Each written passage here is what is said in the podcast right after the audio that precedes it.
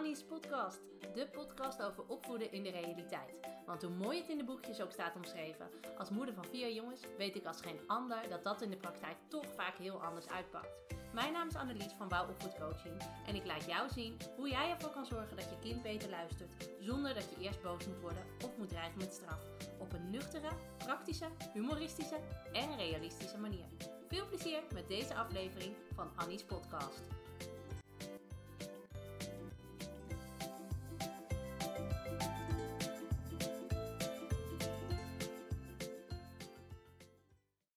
Nou, als je nu niet meekomt, dan gaan we volgende keer niet meer hoor. Of, kom, als je nu mee naar huis gaat, mag je thuis nog even op de iPad.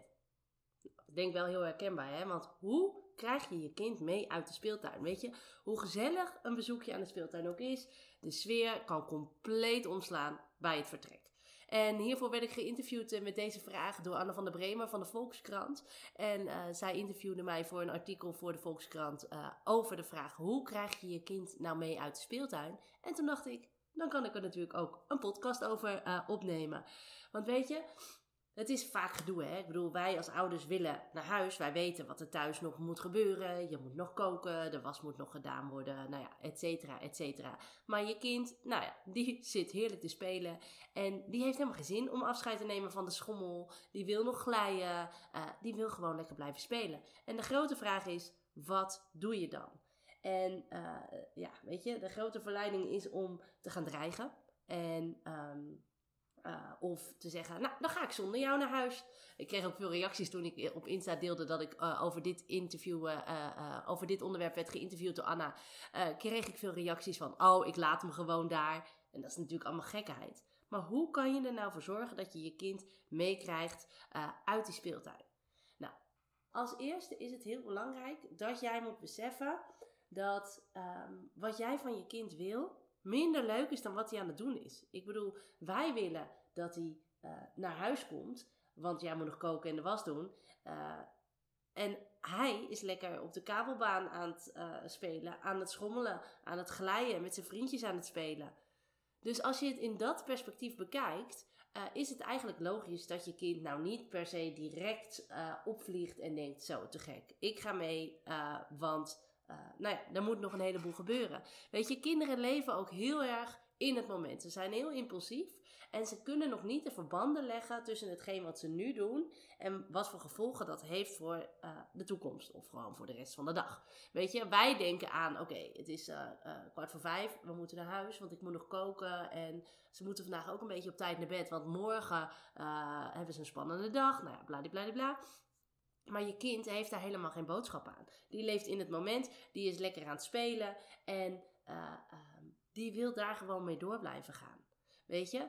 Dus het is altijd belangrijk om je kind van tevoren even te waarschuwen dat je naar huis gaat. Zodat hij van tevoren al weet uh, wat er gaat gebeuren. En dat hij niet opeens out of the blue uh, hoort: hup, we gaan. Nee, dat helpt niet. Kinderen hebben het echt nodig om van tevoren even te horen. Um, Um, dat het bijna tijd is om te vertrekken. Zorg er ook echt voor, als je dat tegen je kind zegt, dat je dat niet vanaf een afstand roept. Want je kind is zo in zijn spel bezig, die hoort jou helemaal niet eens. Dus zorg even dat je echt naar hem toe loopt en echt even contact maakt, zodat je ook weet dat hij je uh, gehoord heeft. En weet je, op die manier uh, kun je dat al wat makkelijker maken. Wat ook nog een ontzettend goede tip is, is uh, een keuze bieden aan je kind. Weet je, Um, in plaats van dat je zegt, we gaan nu, kun je zeggen, het is tijd om te gaan. Voordat we naar huis gaan mag je nog één ding kiezen. Ga je nog één keer van de glijbaan of ga je nog één keer uh, een koppeltje duikelen op het duikelrek? En op die manier uh, um, week je vast in, oké, we gaan. Maar je geeft tegelijkertijd je kind de vrijheid en de zelfstandigheid om nog één dingetje te kiezen. En uh, daarmee kom je tegemoet aan die behoefte aan spelen. En tegelijkertijd bied je die duidelijkheid en bied je dat kader van, maar hierna gaan we wel naar huis. En natuurlijk, uh, de kans bestaat, is heel erg aanwezig dat je kind dan nog steeds niet luistert. En dat hij nog een keer van de glijbaan afgaat. En, uh, of nog een koppeltje gaat duikelen. Of, is dat eigenlijk een woord, koppeltje gaat duikelen? Nou ja, je snapt wat ik bedoel. Um, maar... Um, Houd dat ook luchtig. Weet je, gebruik een beetje humor. Zeg apenkop dat je nog een keertje gaat. Nou, hup, laatste keer en dan gaan we echt.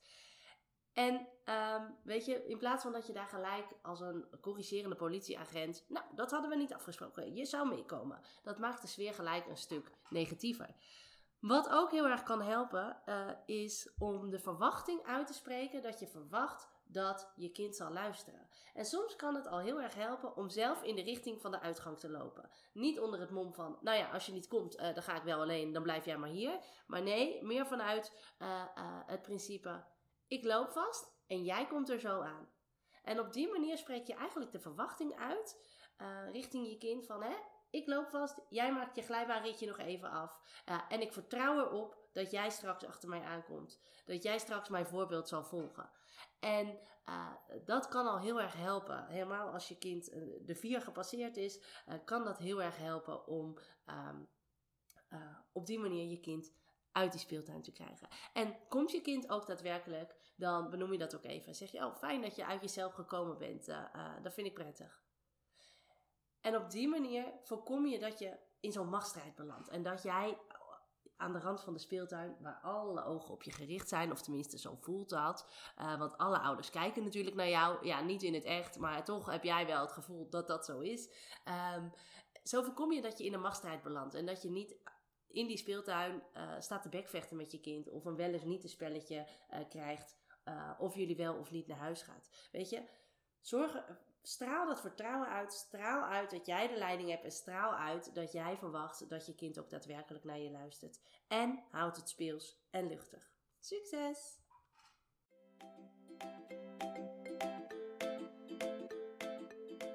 Superleuk dat je deze podcast hebt beluisterd. Kan je nou niet wachten tot de volgende aflevering van Annie's podcast? Ga dan naar Instagram, zoek me op via wouw-opvoedcoaching, want daar deel ik iedere dag toffe en inspirerende tips met je. Om er zo voor te zorgen dat het opvoeden van je kind leuker en makkelijker wordt. Wil je nou nog meer weten? Kijk dan ook even op www.wouwopvoedcoaching.nl slash gratis. Dan kun je je aanmelden voor mijn gratis e-book met 20 tips om ervoor te zorgen dat je kind beter gaat luisteren. Of je kunt je alvast aanmelden voor het webinar Stop met politieagentje spelen. Allebei gratis, dus je hebt eigenlijk geen enkele reden uh, om het niet te doen. Ik zie je volgende keer bij een nieuwe aflevering